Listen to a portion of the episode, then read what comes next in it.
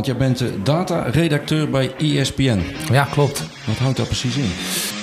Of daar waar ik zelf in zit, uh, de voetbalkantine waar ik één keer in de week uh, voor televisie... Ja, want dat zag ik een paar weken geleden. Ja, misschien kunnen we wel een paar om voor de voorzet ook nog wel wat dingetjes te doen. ja. Ja, dat artikel was overigens niet van mij, laat dat even duidelijk zijn. Nee, nee. ik heb mijn data wel op orde.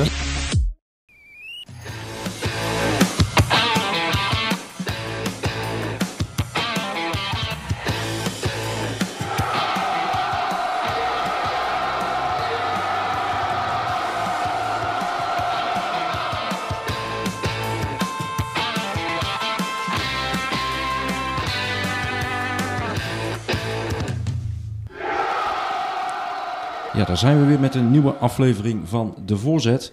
En uh, vandaag weer een reguliere aflevering zoals jullie die van ons gewend zijn. We hebben hier namelijk een gast zitten en uh, dat is vandaag Max Toemen. Ja. Dag. Hoi. Hoi, welkom Max bij De Voorzet. Ja, nou ik vind het onwijs leuk om hier te zijn. Ja, ja we gaan straks even nog wat uh, verder in op ja, wat jouw bijdrage zou kunnen zijn aan De Voorzet. Dat vraag ik me ook af. Dat vraag je ook af? ja. Nou, ik denk, ik denk dat we toch wel wat, uh, wat, wat mooie gespreksonderwerpen uh, hebben, denk ik, voor, uh, voor deze aflevering. Want even, even voor, voor onze luisteraar. Je bent 26 jaar. Ja. je speelt zelf nu nog bij Hilvaria. Nee, niet meer. Ik, ben je gestopt? Nou ja, ik voetbal inmiddels op een heel laag kelderklasse niveau in, in Amsterdam. Ik heb vorig jaar nog wel een, voor Hilvaria gevoetbald. Ja. Maar vanwege werk helaas ja, ja, afscheid moeten doen van het selectievoetbal. Ja, dat, dat kan, dat matcht niet meer. Nee, ja, als je zelf in de sport werkt, dan weet je dat je weekenden ja, want, ja, anders ingevuld worden, laten we het zo zeggen. Ja, want jij bent de data-redacteur bij ESPN. Ja, klopt. Wat houdt dat precies in?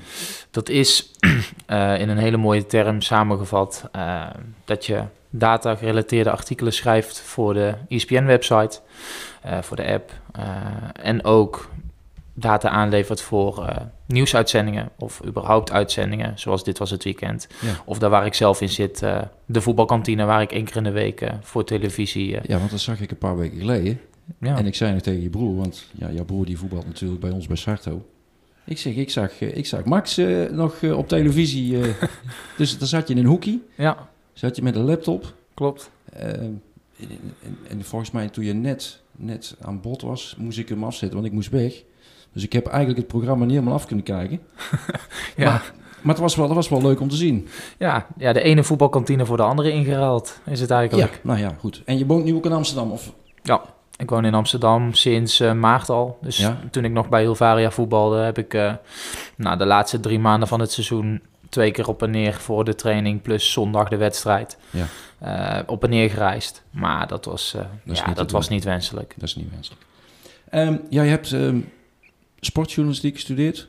Ja, journalistiek. En ik wist al heel gauw dat ik, uh, dat ik de sportkant in wilde, inderdaad. Ja. En dan werk je bij, ja, fulltime bij ESPN. Ja. Nou, mooi. Ja, en vanuit die context, luisteraars, is het natuurlijk wel heel mooi dat uh, Max hier bij ons zit.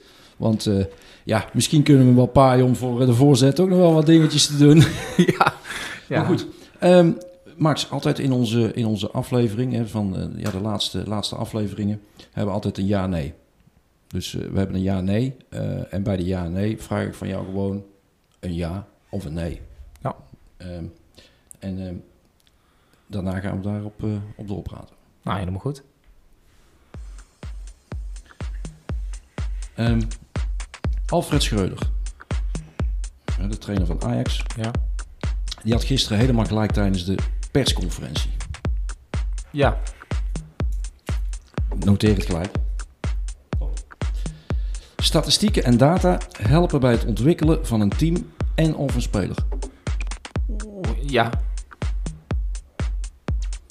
Kotju had gelijk door, het, door de regenboog aanvoerders, ja, de aanvoerdersband niet te dragen gisteren. Daar had hij geen gelijk in. Nee dus. Um, Ajaxiden worden gemiddeld 2,5 keer zo snel opgeroepen als PSV'ers bij als PSV'ers en Feyenoorders. Ik weet waar je bedoelt, ja. Nou, dat, was, uh, dat waren de ja en de nee. Oké. Okay. Ja, de eerste, uh, Alfred Scheuder was natuurlijk gisteren, uh, ja, die uh, tijdens de persconferentie. Ja, die had aardig, die kwam aardig ja, Ja, die schoot even uit zijn slof. ja, ik kan een stukje laten horen. Eh, ja, dit is natuurlijk ook eh, hoe je een spits graag wil zien. Eh, ik heb van de week ook wel weer een heel raar artikel gelezen. dat wij hem geen. dat hij eigenlijk op de bank zit weg te rotten. Dan denk ik echt, ja, je hebt totaal geen verstand van de zaak. Want Brian heeft van de laatste tien wedstrijden in de competitie er zes in de basis gestaan. Hij heeft bijna alle wedstrijden ingevallen. Hij heeft in de Champions League alles ingevallen. Vorig jaar bij Leipzig 252 minuten gespeeld.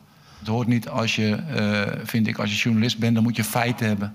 En de feiten zijn gewoon niet juist. En dat hij een paar keer op de bank zit, ja, dat wist hij ook van tevoren. Heb ik hem van tevoren uitgelegd wat zijn rol gaat worden. En ik bepaal wie er speelt en niemand anders. En als mensen denken dat spelers bepalen, is hun probleem. Ik bepaal, want de mensen kennen mij helemaal niet. Ik, Je, je bent echt geïrriteerd erover. natuurlijk, het is een totaalplaatje. Er wordt veel te veel onnodig en onterechte stemming gemaakt. Kom met feiten. Schrijf waarheden. Ja? Mijn zaakwaarnemer zou geholpen hebben met transfers. Ja? Dat klopt. Dat klopt. Dat is heel normaal in de voetballerij. Meerdere zaakwaarnemers helpen in de voetballerij. Weet je waarom? Overmars is weg. Voor alle mensen in de club was het nieuw, de positie. Voor alle mensen was het nieuw. Ehm? Je gaat inderdaad eh, enorm eh, tekeer. Maar er zijn toch ook wel een aantal zaken aan te wijzen. Bijvoorbeeld waarom Bobby wel zou kunnen spelen. Je verliest gewoon alle topwedstrijden dit seizoen. Eh, onder andere met Kudus in de Europa Cup. Dus Ja. dan zou je toch kunnen denken dat... En dan is het toch niet zo raar als er wordt voorgesteld... waarom speelt Bobby niet? En dat die jongen dat zelf ook denkt. Ja, maar dat hij dat zelf ook denkt, dat, dat is ook normaal. We hebben volgens mij van Rangers zonder Bobby met 4-0 gewonnen. We hebben een geweldige wedstrijd gespeeld. Dat was ook een topwedstrijd. We hebben daar een goed gevoel bij. We staan op 2-1 eh, verlies bij Liverpool. Met een heel nieuw elftal. Hoeveel spelers heeft Liverpool verkocht? Alleen Mané? Ja, ja het is normaal, eh Valentijn, dat eh, dit elftal heeft tijd nodig. En als mensen denken dat dit in drie maanden gebeurt, forget it. Ga je die trainersdiploma's halen en ga een elftal trainen. En ga, de- ga, ga kijken wat er gebeurt in die window. En ga je best doen. Maar ga niet op tv onzin lopen verkondigen. Want je hebt, je hebt daar totaal geen verstand van. Drie maanden kun je Ja. Ja, dat artikel was overigens niet van mij. Laat dat even duidelijk zijn. nee. Ik heb mijn data wel op orde. Jij hebt je data op orde, maar, maar wat hij dus hier zegt... ehm, ja, hij was eigenlijk een beetje... ehm, ja, hij kwam gefrustreerd over, maar ik, ik voel wel een beetje met hem mee. Ja. Nou ja, en natuurlijk de timing. Bedoel, Je, je wint met 7-1 in een Ja. tijd van, nou ja, bij Ajax is het al heel gauw crisis. Ja. En eh, dit zat hem dwars. En ik vind het, de reden waarom ik zeg dat hij gelijk heeft, eh, ik vind inhoudelijk gezien dat hij een punt heeft. Ik vind ook dat hij dit mag doen. Ik vind het wel raar dat hij het als trainer van Ajax doet. Want in principe eh, heeft hij in de voorgaande periode gezegd... ja, ik maak me nooit zo druk. Waarom zou ik Ja. me druk maken? Ook op het moment dat hij ja, reden had om zich druk te maken. Maar blijkbaar heeft het toch aan hem gevreten. Ja. En dat alles op, een ba- op basis van een paar, eh, paar artikelen die over hem geschreven zijn. En inderdaad, als de feiten niet kloppen... dan snap ik heel goed dat je op die manier reageert. De manier waarop je tegen Valentijn zegt van... ga je het trainersdiploma halen en eh, ga een team trainen. Nou ja, dat vind ik eigenlijk... Ja, Wat hij eigenlijk- humor. Wat, maar- hij, ja, wat hij eigenlijk zegt. ehm, ik ben de trainer. Ja, en dat klopt natuurlijk ook. Hij is de trainer. En dat is eigenlijk wat je steeds hoort in zijn verhalen. En ik bepaal wie er speelt. Ja. En niet de journalist. Maar ja, een journalist mag natuurlijk wel vragen. Het waarom. ja. En leg het dan ook gewoon uit, denk ik. Ja. Nou ja, ik vind dat, en daar vind ik dus dat hij een punt in heeft. Eh, journalisten zijn er niet om hun mening te geven. Nee. Die zijn er om te vertellen hoe het gaat. En eh, dat vind ik dus ook het kwalijke aan de voetbaljournalistiek. En zeker eh, sommige media zijn er gewoon op uit om eh, te triggeren. Je ziet het bij de bondscoach, de, de, de persconferentie van Louis van Gaal zie je het heel vaak. Dat ze gewoon in sommige gevallen proberen te triggeren door vragen te stellen waar die, waar die op hapt. Nou, Schreuder is niet zo'n persoon en nu doet hij dat wel. Ja. En ja, weet je, ik, ik vind als je een stuk schrijft, en dat is waar eigenlijk in eerste instantie zijn, zijn, zijn woede vandaan kwam, met eh, ja, onwaarheden, gewoon om iets los te krijgen, Ja. ja. ja, dat vind ik ook fout. Ja, dat is kwalijk. Dat is kwalijk. Daar, daar is de journalistiek niet voor. Nee, Ik heb niet voor journalistiek gestudeerd. Ehm, jij wel. Dus Ja. jij kunt dat ook wat beter duiden. ja, Ehm, Eh, maar wat ik natuurlijk doe met het platform, met de podcast, is eigenlijk ook een stukje journalistiek. Ja. Ja, je ondervraagt mensen, je bevraagt mensen.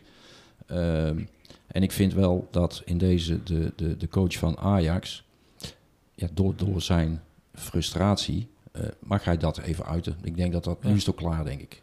Ik hoop het voor hem. Ik hoop Ja. niet dat hij erin blijft hangen na een 7-1 Nee, nee, nee, overwinning. maar goed. Maar aan de andere kant, ehm, hij zal wel moeten blijven winnen. Want hij staat natuurlijk wel onder, ja, hij ligt nu wel onder een vergrootglas. Dat zeker. Dus eh, Maar goed, ja, als je kijkt, ehm, toen de loting van de Champions League kwam en Napoli, Liverpool en Rangers kwamen uit de bus. Nou, Rangers kenden we, daar waren we niet zo heel erg van onder de indruk Nee. eh, na twee wedstrijden PSV. Maar goed, ze wonnen. Eh Ajax verloor van PSV, dus ja, hoe verhoudt dat zich tegenover elkaar? Je kunt je afvragen van hoe realistisch zijn de kansen van Ajax in die pool. En heel veel mensen dachten na de 4-0 overwinning, inclusief makkie. mijzelf, nou, eh, Liverpool is ook niet in goede doen. En dat klopt ja, die pakken we wel. En dat is natuurlijk enorm tegengevallen. En dan hebben we het nog niet eens over de twee luik met, eh, met Napoli gehad. Ja. Dat komt onder een vergrootglas te staan. Maar als je gewoon naar de feiten kijkt. Hij heeft natuurlijk de Johan Cruijffschaal verloren. Redelijk desastreus 3-5 in eigen huis. Ehm, hij moet knokken voor Europa League. Dat, is- dat pleit niet voor hem. ja, Maar hij staat wel gewoon bovenaan in de Eredivisie. dat bedoel ik. En als je kijkt naar de, eh, de wedstrijden die, eh, die PSV heeft gehad, zeker in het begin toen ze zich nog mogelijk konden kwalificeren voor Champions League. Ja, eh Emmen, Go Ahead, Volendam, Excelsior in die volgorde. Ja, weet je, die, zijn, die, die komen de, de zware ook nog tegen. Ja, daarom. Daarom. Dat is ook zo. En ehm, ja, Overigens Feyenoord wel gehad, PSV inmiddels, dus het heeft zich redelijk recht getrokken. Ja. Maar wat hij ook zegt, en dat triggerde mij ook toen ik dit stukje eh, luisterde. eh, je kunt een team niet opbouwen in drie maanden. Ja, Dat is natuurlijk ook zo. Dat kan ook helemaal niet. nee. Ehm, aan de andere kant, er zijn natuurlijk ook heel veel spelers die zijn wel gebleven. Ehm, maar er zijn ook wel een aantal spelers weggegaan. En dan in zo'n transferperiode heb je natuurlijk altijd die perikelen van blijft, blijft een speler wel, blijft een speler niet. Ja. Ja, en uiteindelijk komt het punt van je moet wel aan de slag. Maar je moet je speelwijze hè, verder uitbouwen en verbeteren. Spelers misschien inpassen. Nou, en eh, ja, dan maak je keuzes als trainer. Ja. En, eh, maar goed, ik vond het wel een mooi stukje even. Hè. Ik denk een trainer Ja, die van zich afbijt. Ik denk dat dat best mag. En ehm, Wanneer hebben we dit nou nog gezien? Nee, ja, bij Vergaal alleen. Maar, Ja, maar, maar verder rest, eh, is het, valt het altijd wel een beetje... Ja, Maar Van Nistelrooy ook, hè, met RKC, Ja, klopt, klopt, gepikeerd. klopt. Ook Ja. in een moment dat hij eventjes... eh, ja ze dus dan zie je toch dat die druk er best wel op ja, staat. Ja, die druk staat erop. Ja. Nou, oké. Daarvan akte. Alfred Schreuder. Ja, de tweede stelling was eh, statistieken en data helpen bij het ontwikkelen van een team en of een speler. En dan zei jij ja. Ja, eh, dit is natuurlijk een 50-50, Ja. dus eh, je moet kiezen. Ik vind dat eh, data en... dus echt data, heb ik het dan Mhm. over. Statistieken, eh, zo vaak won eh, Ja. Ajax van Feyenoord, dat boeit niet. Nee. Want dat was in Want het waarom verleden. Want het wordt natuurlijk in Nederland ook heel vaak gedaan, hè? Nou, het is leuk om te weten. Ik denk dat mensen, eh, en dat is natuurlijk het vakgebied waar ik me nu ook in begeef. Ja. Ik vind dat ook leuk om te weten. Mhm. AZ is tegen de traditionele top 3 van de laatste 20 wedstrijden. Dan heb ik het even voor deze Mhm. eh, wedstrijd tegen Feyenoord. Waren ze eh 14 keer winst, eh eh, één keer gelijk en vijf keer verloren of iets dergelijks. Ja, ik vind dat ook leuk om te weten. Ja. Maar het het biedt, zegt to- niks. het biedt totaal Nee. geen perspectief op hoe het in de toekomst Nee. gaat zijn. En dat blijkt natuurlijk ook het afgelopen weekend weer. Maar ik vind, en dan even richting op data. Als jij, en dat zie je volgens mij in de jeugdopleiding van welk willekeurige voetbal, betaald voetbalopleiding op dit moment, is dat ze toch bezig gaan met prestaties, individuele prestaties. Ja. Want natuurlijk maakt tactiek nog steeds eh, het grootste onderdeel uit van succes ja of nee. Eh, om maar even bij AZ en Feyenoord te blijven. Slot heeft tactisch gewoon gewonnen van, van, Ja. van Jansen. Ja. Eh, maar ik denk wel dat je op basis van data kan zeggen: oké, je loopt bijvoorbeeld op dit moment niet genoeg. Ja. Of jouw, eh, jouw intensieve sprints zouden omhoog Ja. moeten. Want in het druk zetten of in de, de speelstijl die we hebben, past dit gewoon veel beter. Dat vind ik wel dat je Daar kun je mee werken. daar kun je mee werken. Ja. Maar je kunt, ja, eh, het, is- het is ook, het is ook heel relatief. Je kunt niet zeggen, eh, iemand die in de keukenkampioen-divisie eh 30 goals maakt en eh 13 assists. Nou, ik zou nog tegen moeten komen die dat doet, maar dat hij dat in de Premier League ook doet. Nee. Dat kan niet. Nee. Dus het is ook allemaal heel relatief. En Ja. ik denk dat binnen een teamproces, als je het tegen elkaar kan afsteken en mensen op dezelfde, die op hetzelfde niveau zitten of in dezelfde competitie, Ja. en waarbij de mogelijkheden ook gelijk zijn, dan vind ik het wel. Ja. Ja. ja, nee, maar ik denk dat je daar een goed punt hebt. Dus, dus statistieken zegt niet altijd iets, maar is gewoon leuk. Ja, het is leuk om te weten van, nou, we hebben, feitjes. we hebben daar vijf keer tegen gespeeld en eh, van die vijf keer hebben we alle, alle vijf gewonnen. Dus, hè? Nou ja, en als trainer kun je dat gebruiken, zowel in je voordeel als in Ja, je nadeel. klopt. Van joh, hey, we hebben nog nooit van deze gasten gewonnen. Nu, moet het, nu moet het een keer gaan gebeuren. nou moet het een keer gaan gebeuren. En dan Ja. gaan die jongens toch een stukje harder lopen op een bepaald moment. Op het, op het niveau waarop ik training heb gegeven. ja, nee, maar dat is zo. En dat werkt. Wij hadden dat met eh, clubs uit Zeeland. Wij verloren nooit van clubs uit Zeeland. En dat gebruikten we elke, elke wedstrijdbespreking gebruikten we dat. Ja, En het is daarna, het is ook nooit gebeurd. Het was altijd een soort trigger. ja. Dat soort statistieken helpen, maar dat maakt ze niet beter. Nee, nee je hebt- het helpt ze dan om het resultaat binnen te Ja. halen. Ja. Hele korte termijn. Heel mooi. Statistieken en data. Nou, nogmaals, dat is jouw, jouw werkveld een beetje nu. Ja, Bevalt dat? eh, ja. ja? Ja, ik, ik had eerlijk gezegd een jaar geleden niet gedacht dat ik, daar, dat ik daarvan mijn, mijn, mijn beroep zou maken. Ehm, maar Ja. het is een, een specialisatie waarin ik steeds beter word, want ik heb daar verder totaal geen achtergrond in. Nee. Eh, mijn broertje eh, zit wel in, in die kant, die dus, is data-analyst bij, eh, bij AZ. Mhm. En die, nou ja, daar gaat het wel eens over. Ik vind dat ook wel interessant. Ja. Maar dat, het is niet iets wat je zomaar even doet. Het is waar je in moet groeien. Ja. Vooral de interpretatie van data. Ja. En de combinatie tussen veel voetbal kijken en die data er langs leggen. Ja. Ja, Want jij, want, want even voor de luisteraars. ehm, een, een- ik denk even kijken, dat was in de zomerperiode, denk ik, ergens. In de zomerperiode benaderde jij mij ehm, of ik tijd en zin had om op een zaterdagmorgen, volgens mij was het nog een koud op die dag, kan ik me nog herinneren. stervenskoud. op, een koude, op een koude zaterdagmorgen, eh, om samen met een aantal eh, andere jongens en spelers eh, met jou een film op te nemen die jij zou gaan gebruiken voor jouw afstudeeropdracht. Klopt. Ehm, en, een, en de onderwerp was voetbalclichés. Ja, En een daarvan was bijvoorbeeld eh, scherp beginnen ja, in de eerste fase van de wedstrijd. ja. Ik werd dan gebruikt als trainer, coach, om Deed dat, heel leuk, moet ik om, zeggen. ja, om dat, om dat, dus ter, ja, om dat eh, het, het voetlicht te brengen. Eh, maar daar zat ook een data-analyse aan vast. Ja. Maar kun je daar eens iets over vertellen? Over bijvoorbeeld dat ene puntje, Ja. als het gaat van scherp beginnen aan de wedstrijd. Ja, nou ja, de context eh, was dusdanig. Ik deed een afstudeeropdracht. En als je dan je gaat begeven in eredivisie dan, en je wil daar beelden bij. Ook al werk ik bij ESPN, dat is gewoon niet mogelijk. Dus ik zocht naar, een, eh, naar iets wat nog niet gedaan was. En eh, wat binnen mijn mogelijkheden lag. En natuurlijk in het amateurvoetbal. En ik denk dat heel veel luisteraars, inclusief ikzelf, daar heel veel ervaringen mee hebben. Meer dan met het profvoetbal. Is dat je gewoon op welk niveau je dan ook speelt. Ik bedoel, ik heb zelf altijd in de selectie gevoetbald. eh, van jeugdelftal, Mhm. Sarto tot aan Hilvaria eerste. En de eerste van Sarto overigens ook.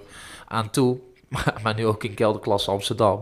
je, komt, je komt gewoon standaard uitspraken elke keer weer tegen. En ik, Ja. ik, het fascineert mij, want eh, ik, ik, ik ben zelf ook trainer geweest. Ik, ben daar, ik heb me daar ook debet aan gemaakt dat ik dingen riep.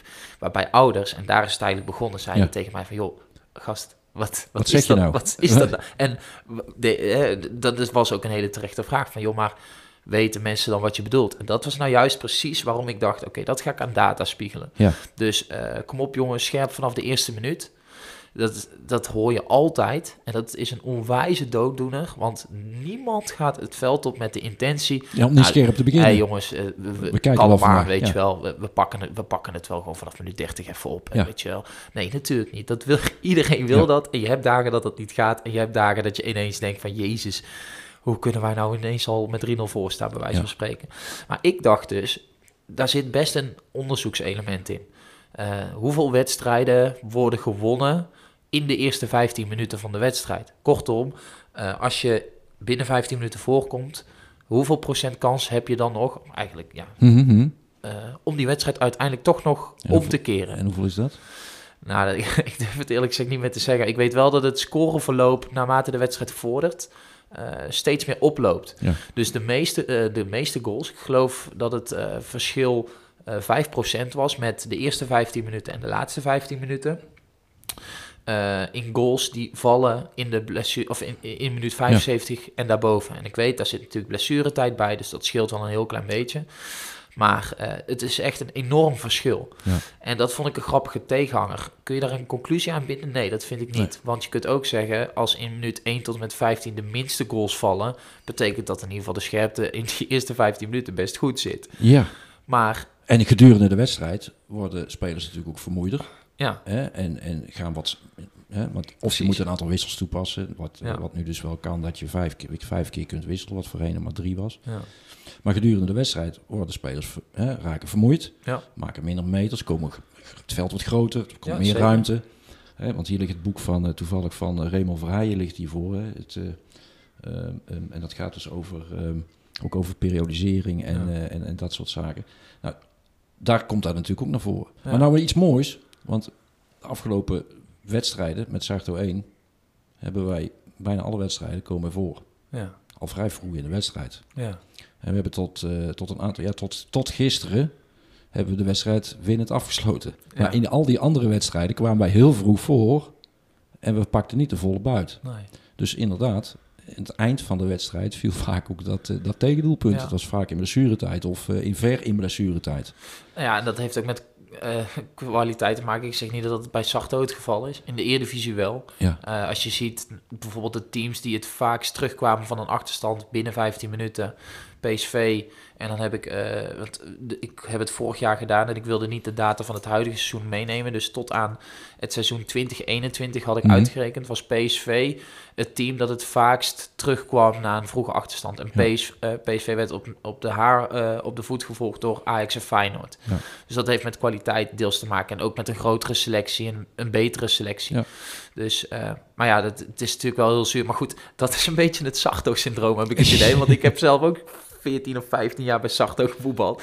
En wij waren er ook nooit zo sterk Nee. in. Om, om die- Maar goed, gisteren hebben we hem winnend afgesloten tegen Kruisland. Dat was wel een mooie overwinning. Ja, Eh, ook tegen een hele goede ploeg. stonden Eh, bovenaan ergens. Ja, ja, ja, die hadden de- week ervoor eh, met 8-1 gewonnen. Dus ja, we hadden wel wat goed te maken. Dus, Ja. maar gelukkig drie punten zijn binnen. Lekker. Ehm, ja, dus, dus die film hebben we gemaakt, hè? Ja, Die, die staat nu ergens ook op YouTube, ergens op het kanaal. zeker weten. Zo'n leuke, leuke film geworden, vond ik. Hè. Er, zat ook wat, er zitten ook wat, wat grapjes in. En, eh, dus ik vond het ook wel leuk om te doen. Dus, eh, Ja, je deed het hartstikke goed en ik was er super blij mee. En ik ben ermee afgestudeerd, dus eh, nou, mooi. Goed. Hey, voordat we naar stelling 3 gaan, wil ik heel even eh, naar mijn grote vriend Smally. Ja. Smally Yilmaz. Eh, die heeft gisteren tegen Helvaria gespeeld. ja, Ze hebben verloren. verloren. Ja, ik had Koen twee weken geleden aan de telefoon. Dus eh hey, daar komt een mailtje binnen, hoor je dat? Ja, ik hoor Ja, het. Ik weet niet wie het is. Smiley. Maar we gaan even naar de analyse van Smiley luisteren. Yes. De analyse van Smally. Dit is Smally met een analyse van de wedstrijd AZ tegen Feyenoord, gespeeld afgelopen zondagmiddag om kwart voor vijf in het AFA-stadion te Alkmaar. De wedstrijd werd geleid door scheidsrechter Danny Makkeli. De absolute topper in de tiende speelronde in de Eredivisie is de ontmoeting tussen koploper AZ en Feyenoord. AZ is nog altijd de trotse koploper in de Eredivisie. AZ Feyenoord stond 43 keer eerder op het programma. 12 keer won AZ, 16 keer Feyenoord en 15 keer speelden ze gelijk. Vorig seizoen werd het 2-1. Voor AZ scoorde Jesper Karlsson destijds twee maal en Lucaron Geertruida voor Feyenoord. De ongeslagen AZ heeft drie punten meer dan Feyenoord. Een zege van AZ zorgt ervoor dat Feyenoord voorlopig afhaakt in de strijd om de titel. Als Feyenoord wint gaat het in de top nog dichter bij elkaar staan. Feyenoord-trainer Arno Slot werd twee jaar geleden ontslagen door AZ, omdat hij met Feyenoord gesproken had over het trainerschap in de Kuip. Feyenoord heeft op bezoek bij AZ met 3-1 gewonnen. Dat betekende de eerste nederlaag dit seizoen voor de Alkmaarders. Beide ploegen lieten zich in de eerste helft van hun beste kans zien. Na kansen over en weer opende Jens Otgaard in de 26e minuut te scoren na een mooie aanval van AZ. Pantelis Hatsi- Hatsidiakos gaf de bal voor richting de tweede paal, waar Otgaard het sterkste was in de lucht. Lang bleef de voorsprong van AZ niet staan, want toen Santiago Jiménez over het been van Sam Beukema ging, kreeg Feyenoord een strafschop. De veelbesproken Orkun Kökçü maakte in de 31e minuut gelijk. Jordi Klaasie kreeg nog een enorme kans op, om AZ op voorsprong te schieten, maar de middenvelder schoot naast en dus gingen de, de twee ploegen in evenwicht de rust in. Na rust had Feyenoord de meeste grip op het duel, maar kreeg het de 2-1 cadeau. Eerst dacht Jesper Karlsson dat hij AZ op voorsprong zette, maar zijn doelpunt werd direct afgekeurd vanwege buitenspel. Sebastian Simanski mocht in de 56 minuut ongehinderd opstomen tot, tot, tot, tot rond het strafschopgebied en zag doelman Verhulst brundelen op zijn schot. AZ zocht naar de gelijkmaker. De thuisploeg had nog ruim een half uur de tijd voor minstens een gelijkmaker, maar daar kwam geen enkele serieuze kans voor.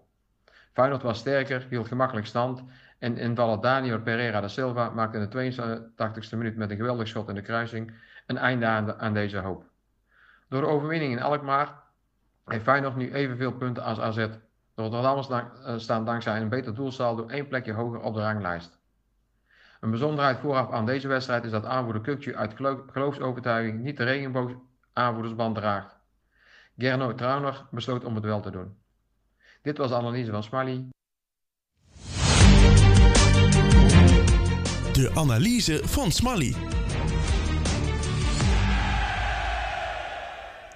Ja, dat was de uitvoerige analyse van, uh, van mijn grote vriend Smiley. Ik denk, we krijgen een, uh, we krijgen een wedstrijdverslag van SVS uh, Silvaria. Ik denk, nee. ik was er niet bij. Ik ben benieuwd wat mijn oude club gedaan heeft. Ja, ja, die, hebben dus die hebben dus gewonnen. Ja. Silvaria heeft gewonnen. nee, nee, maar... Um, ja, we hebben, we hebben net even geluisterd naar die analyse. of tenminste, ja, het is, een, het is een duiding van een wedstrijd. Maar ook hier weer de 82e minuut. Ja. ja. Dan komen we daar toch weer op terug. Ja. En uh, ja, hij beschrijft dat altijd heel mooi, Smiley. Dus ik uh, ben altijd blij mee met zijn uh, intermezzo. Zeker. Maar het eind van zijn verhaal, daar heeft hij het dus over Kukju. Ja. Ja, is het nou Kukju? Kuk, kuk. Um, en dat was ook een van onze stellingen. Ja. had hij gelijk door de regenboog aanvoerdersband niet te dragen. Dat is waar Smiley het natuurlijk ook over had. Mhm. En jij zei nee. Ja, dit is, dit, dit is natuurlijk ook een uh, hele moeilijke. Uh, vanuit religieus oogpunt, uh, vanuit zijn manier van kijken, zeg ik, zou ik ja op deze stelling ja. willen, willen antwoorden. ik vond dat Arne Slot het ook heel goed zei, voorafgaand en ook achteraf die wedstrijd. Dat hij vanuit zijn geloofsovertuiging een beslissing maakt die iedereen te respecteren heeft. Uh, El Jacoubi van Excelsior heeft overigens hetzelfde gedaan. Ja. Adil Awassar van Sparta niet. Uh, en gisteren in de voetbalkantine heb ik al begrepen dat de eerste keer dat dit überhaupt op de planning stond, dat hij enorm veel haatreacties heeft gehad. Ja. Opdat hij hem als Marokkaanse voetballer wel droeg. Ja. Um, dat is ook apart, hè? Ja, nou ja, weet je, um, ja, hoe je het went of keert, uh, ik, ben iets minder religieus. Mm -hmm. uh, dus voor mij is dat anders. Ik snap dat als jij heel intensief aanhanger bent van, uh, ja, van de islam... Ja. en je hebt daar bepaalde opvattingen bij, dan snap ik ook als die opvattingen dusdanig zijn dat ja, bepaalde uh, groepen op een ja, minder zijn volgens ja. hen. Of nou, minder zijn, dat wil ik eigenlijk niet zo zeggen. Nou ja, maar het ging, het ging in deze, en dat, en dat is een beetje het verhaal ook. Het is natuurlijk niet alleen uh, als het gaat om de LHBTI-gemeenschap, maar het is gewoon discriminatie in, ja, in de grootste, ja, in, in, in alles. Hè? Ja, het dus, gaat om dus, verbroedering. Dus de One Love campagne ja, gaat over dus, verbroedering. Ja, dus daarin vond ik het denk ik wel van ja, oké. Okay. Ja, het gaat over die regenboog. En ja. natuurlijk, uh, je, kunt er zoveel dingen over zeggen. En je zegt nooit, wat dat betreft, uh, iets waarmee iedereen het eens is. Het zijn twee kampen tegenover elkaar. En ik vind het, uh, ja, je kunt respect hebben voor de manier waarop je in ieder geval zijn, zijn religie volgt. Dat is ook zo. Is ook zo. maar ja, je kunt ook zeggen van, ja, weet je, als de boodschap gaat over zo'n grote groep wat, en het gaat over verbroedering, waarom zou je het niet doen? En zeker Ja. als je aanvoerder bent van Feyenoord, dan, eh, en je bent aanvoerder bij zo'n grote club, ik bedoel, kom op. Ja. Maar goed, ja, je, je doet Er het eigenlijk er, niet is, goed. er is vandaag, eh, ja, want eh, wij nemen voor onze luisteraars, we nemen deze podcast op de maandagavond op. En het is natuurlijk vandaag en ook gisteren al uitvoerig en daarna besproken.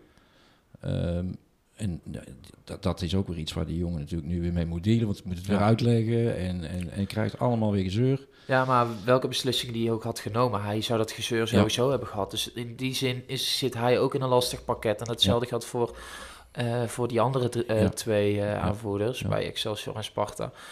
Voor, voor hen, je kan het gewoon niet goed doen. En ja, Maar goed. het is wel goed dat het, dat het op de agenda staat. En Ja. het is natuurlijk, eh, het maakt ook echt niet uit wie je bent.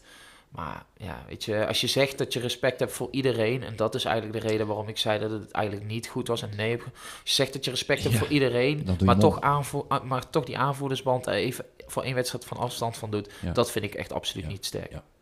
Waarvan akte? Komen we bij stelling 4. Ja. Ja, dat is- ik kan hem voorlezen, maar eigenlijk is het jouw, jouw stelling. Ja. Toch?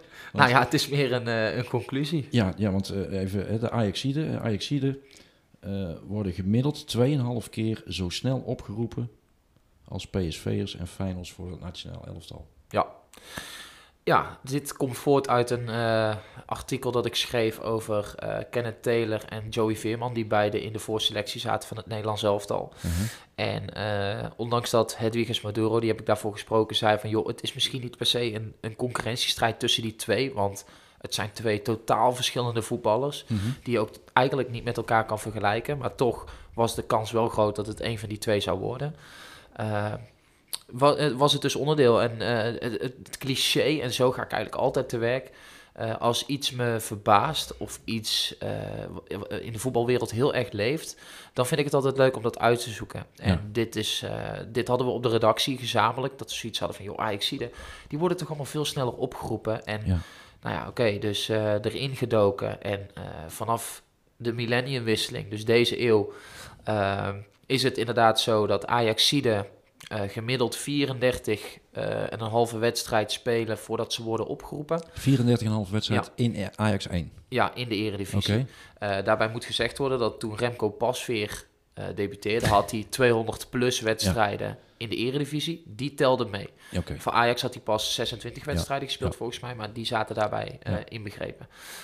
Bij Feyenoord en bij PSV is dat 85 eh, en 86 wedstrijden. Dus dat is echt nou ja, bijna 2,5 keer Ja. zoveel eh, dan de gemiddelde Ajax ziet. En eh, ja, dat, dat, dat is ook weer iets waar je niet per se direct de vinger op kan leggen. Eh, ik vond het wel grappig. Ik heb dat artikel eh, geschreven. Ik heb dat in de voetbalkantine uitgedragen. En Sjoerd Massou zat daar van het AD. Ja. Die raakte geïntrigeerd. En die is me, later heeft hij me nog eh, gecontact en gezegd van... joh, ik wil hier een artikel van maken. Mhm. Nou, dat heeft hij uiteindelijk ook gedaan. En Ja. hij heeft de twee derde van de hoofdpagina van AD Sportwereld... heeft hij daarmee gevuld. Ja. En ik snap het ook wel. Het zorgt voor commotie. Het is een thema bij voornamelijk Feyenoorders en PSV'ers. Maar je hebt het puur, eh, je hebt het uitgezocht en, en dat dus geanalyseerd. En dan blijkt dus inderdaad dat dat die 2,5 keer hè, Ja. eh, sneller is. Ja. Eh, maar heb je daar ook nog gekeken naar wat daar, de, ja, wat daar dan achter ligt? Kijk, dat is, dat is dus wat ik net probeerde zeggen, te zeggen. Het is heel moeilijk om daar een vinger op te leggen. Als jij eh, kijkt naar de gemiddelde eh, doorstroom van de jeugd, bij- ligt die bij Ajax Het ligt al hoger. Ligt hoger. Eh, ik wil niet zeggen dat ze een betere jeugdopleiding hebben, maar daar komen gewoon in het verleden, in ieder geval deze eeuw, substantieel meer spelers door in eigen jeugd, die eh, vervolgens ook een stap hoger opmaken. Ja. Ehm, ja, bij PSV en eh, Feyenoord bij op dit moment bijvoorbeeld heel veel buitenlanders. Eh, dan praat ik echt over, over dit seizoen pas. Ja. Ajax heeft, ik weet niet of ze vaker Champions League hebben gespeeld dan PSV deze eeuw. P- PSV Oh, is misschien al leuk om uit te zoeken. nou ja, PSV is wel vaker kampioen geworden dan Ajax deze eeuw. Ja. Eh, dus ze hebben ook waarschijnlijk meer in de Champions League Ja. gespeeld. Al heeft Ajax ook wel eens via de kwalificatie zichzelf eh, nog eh, in de groepsfase Mhm. geloodst. Ehm, ja, dat zijn allemaal randzaken die ermee te maken hebben. Op dit moment hebben ze gewoon veel meer geld. En dat zijn allemaal dingen die daarmee te maken hebben. Eh, maar voornamelijk het hoge niveau dat ze spelen. eh, en dus daarmee, eh, als ze daar presteren, dat ze sneller opgeroepen worden. Dat vind ik wel logisch. Ja. En ik denk misschien ook wel wie de bondscoach is. Nou ja, dat was onderdeel van, van het onderzoek. Ehm, ik geloof dat er eh 11 van de 15 bondscoaches, ik heb de cijfers niet helemaal meer paraat, dat is Mhm. een paar maanden geleden dat ik het geschreven heb, twee denk ik. Ehm, ja, 11 van de 15 bondscoaches hebben of bij Ajax gespeeld of ge en of getraind. Ja. Eh, dus er zijn er een paar niet. Bert van Marwijk is er daar één van. eh Dick Advocaat is er daar één van. Ehm, dus ja, je zou kunnen zeggen dat diegene een iets lichtere voorkeur zou kunnen hebben voor Ajaxide. Maar goed, als jij bondscoach bent, en dat is gewoon het argument wat ik er tegen heb, Dan kies je de beste. dan kies je de beste. Waar ze ook spelen. En al speelt hij bij Willem II hier, of als speel, hij speelt bij, eh, nou ja... Helmond Sport. Helmond Sport, ja, die kans is dan weer een stukje kleiner. Maar ik wilde eigenlijk zeggen PSV of Feyenoord eh, of Ajax. Dat maakt echt helemaal Nee, niet uit. nee. Althans, dat hoop ik dan maar. Ja. En ik vond het wel grappig, toen dat artikel geplaatst werd, eh, zag ik op Twitter allerlei mensen die daarop door wilden gaan, ook gingen factchecken. Mhm. En kwamen met cijfers over Louis van Gaal. Dat hij juist niet eh, daarin meedoet. En eh, dat stond in principe haaks op hetgeen wat ik schreef. Want ik schreef niet over Van Gaal, ik schreef gewoon over alle elf bondscoaches Ja. en de, de huidige tendens. Maar ja, Van Gaal heeft meer Feyenoorders en PSV'ers laten debuteren dan Ajaxide. Nou ja, dat is alleen maar een disclaimer voor hem. We kunnen Ja. hem er niet op aankijken. Nee. Maar het is dus ergens in het verleden, tussen die drie termijnen van hem, is het wel Ja. ja. substantieel vaker Ajaxide in, eh, of sneller in oranje dan. Ja, eh, sneller, hè? ja, dat, sneller. Dat, dat was het eh, verhaal. Hè? Ja. Ze komen sneller, worden ze opgeroepen. Ja, precies. Oranje. Ja. Mooi. mooi. Mooi artikel ook. En ook mooi dat je, dat, dat meegenomen wordt door, eh, door, gerenommeerde ja, columnist of journalist van het AD. ja, ik heb hem voor bedankt. Want Ja. heel veel mensen zeiden ineens van... joh, je stond in de krant. Ik zeg, Ja. ja, dat klopt. Ja, Maar het stond in principe anderhalve week geleden ook al op ESPN.nl. Maar dat was toen nog niet opgepakt. nee, mooi. Ja, zeker. Goed. Ehm, in, onze, in onze podcast heb ik ook altijd een, eh, een spreuk. Dus de spreuk van André. Ik weet niet wat hij deze week eh, heeft eh, bedacht. Ja. Eh, maar André is, eh, is een goede, goede vriend van mij. oude, oud collega-trainer, assistent-trainer. Toen ik nog in het verre verleden bij EDN 56 trainer was. Dus hij is vier jaar mijn assistent geweest. Schrijft boeken. Ehm, is een beetje poëet, dichter. En heeft altijd een mooie spreuk. Dus ik kan even luisteren.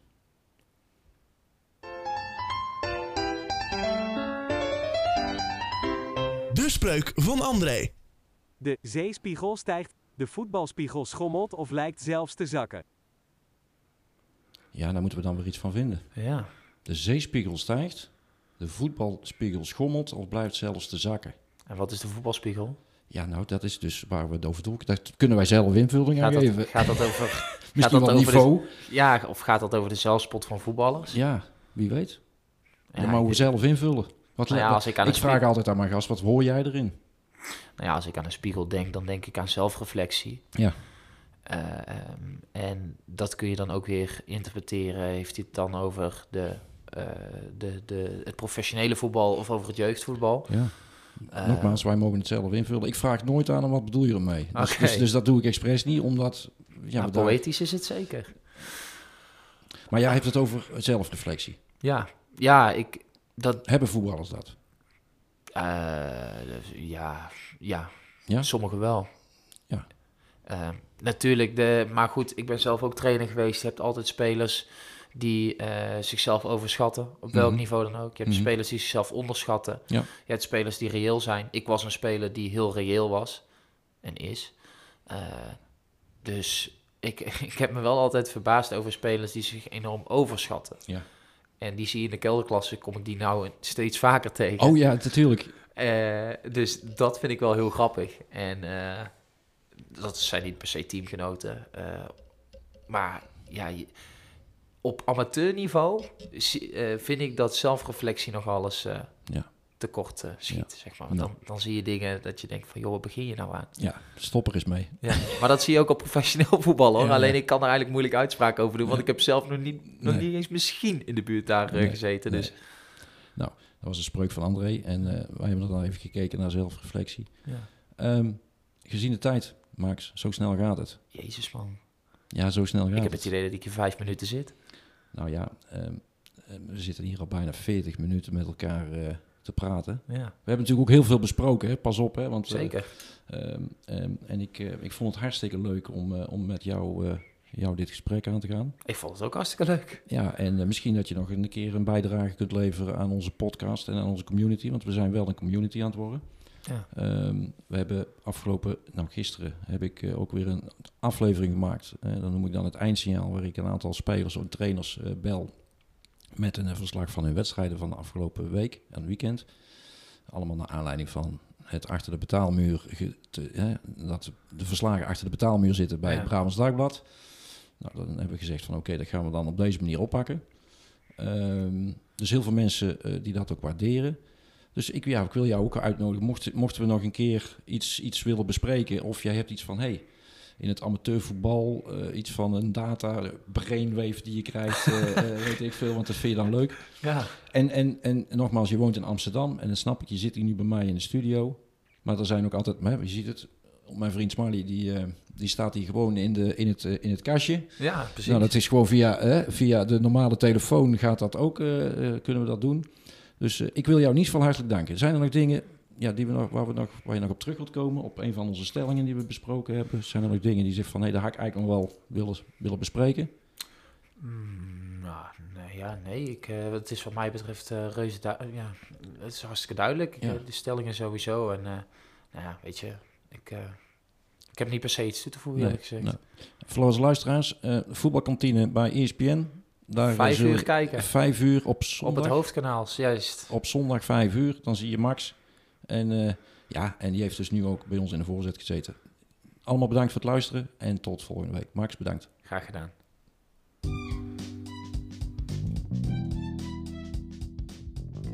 Bedankt voor het luisteren naar deze aflevering van De Voorzet. Volgende week hebben we weer nieuwe gasten in onze podcast. Tune in op De Voorzet, bezoek onze website. We zijn te beluisteren op Spotify, Apple Podcast en Google Podcast. Tot volgende week.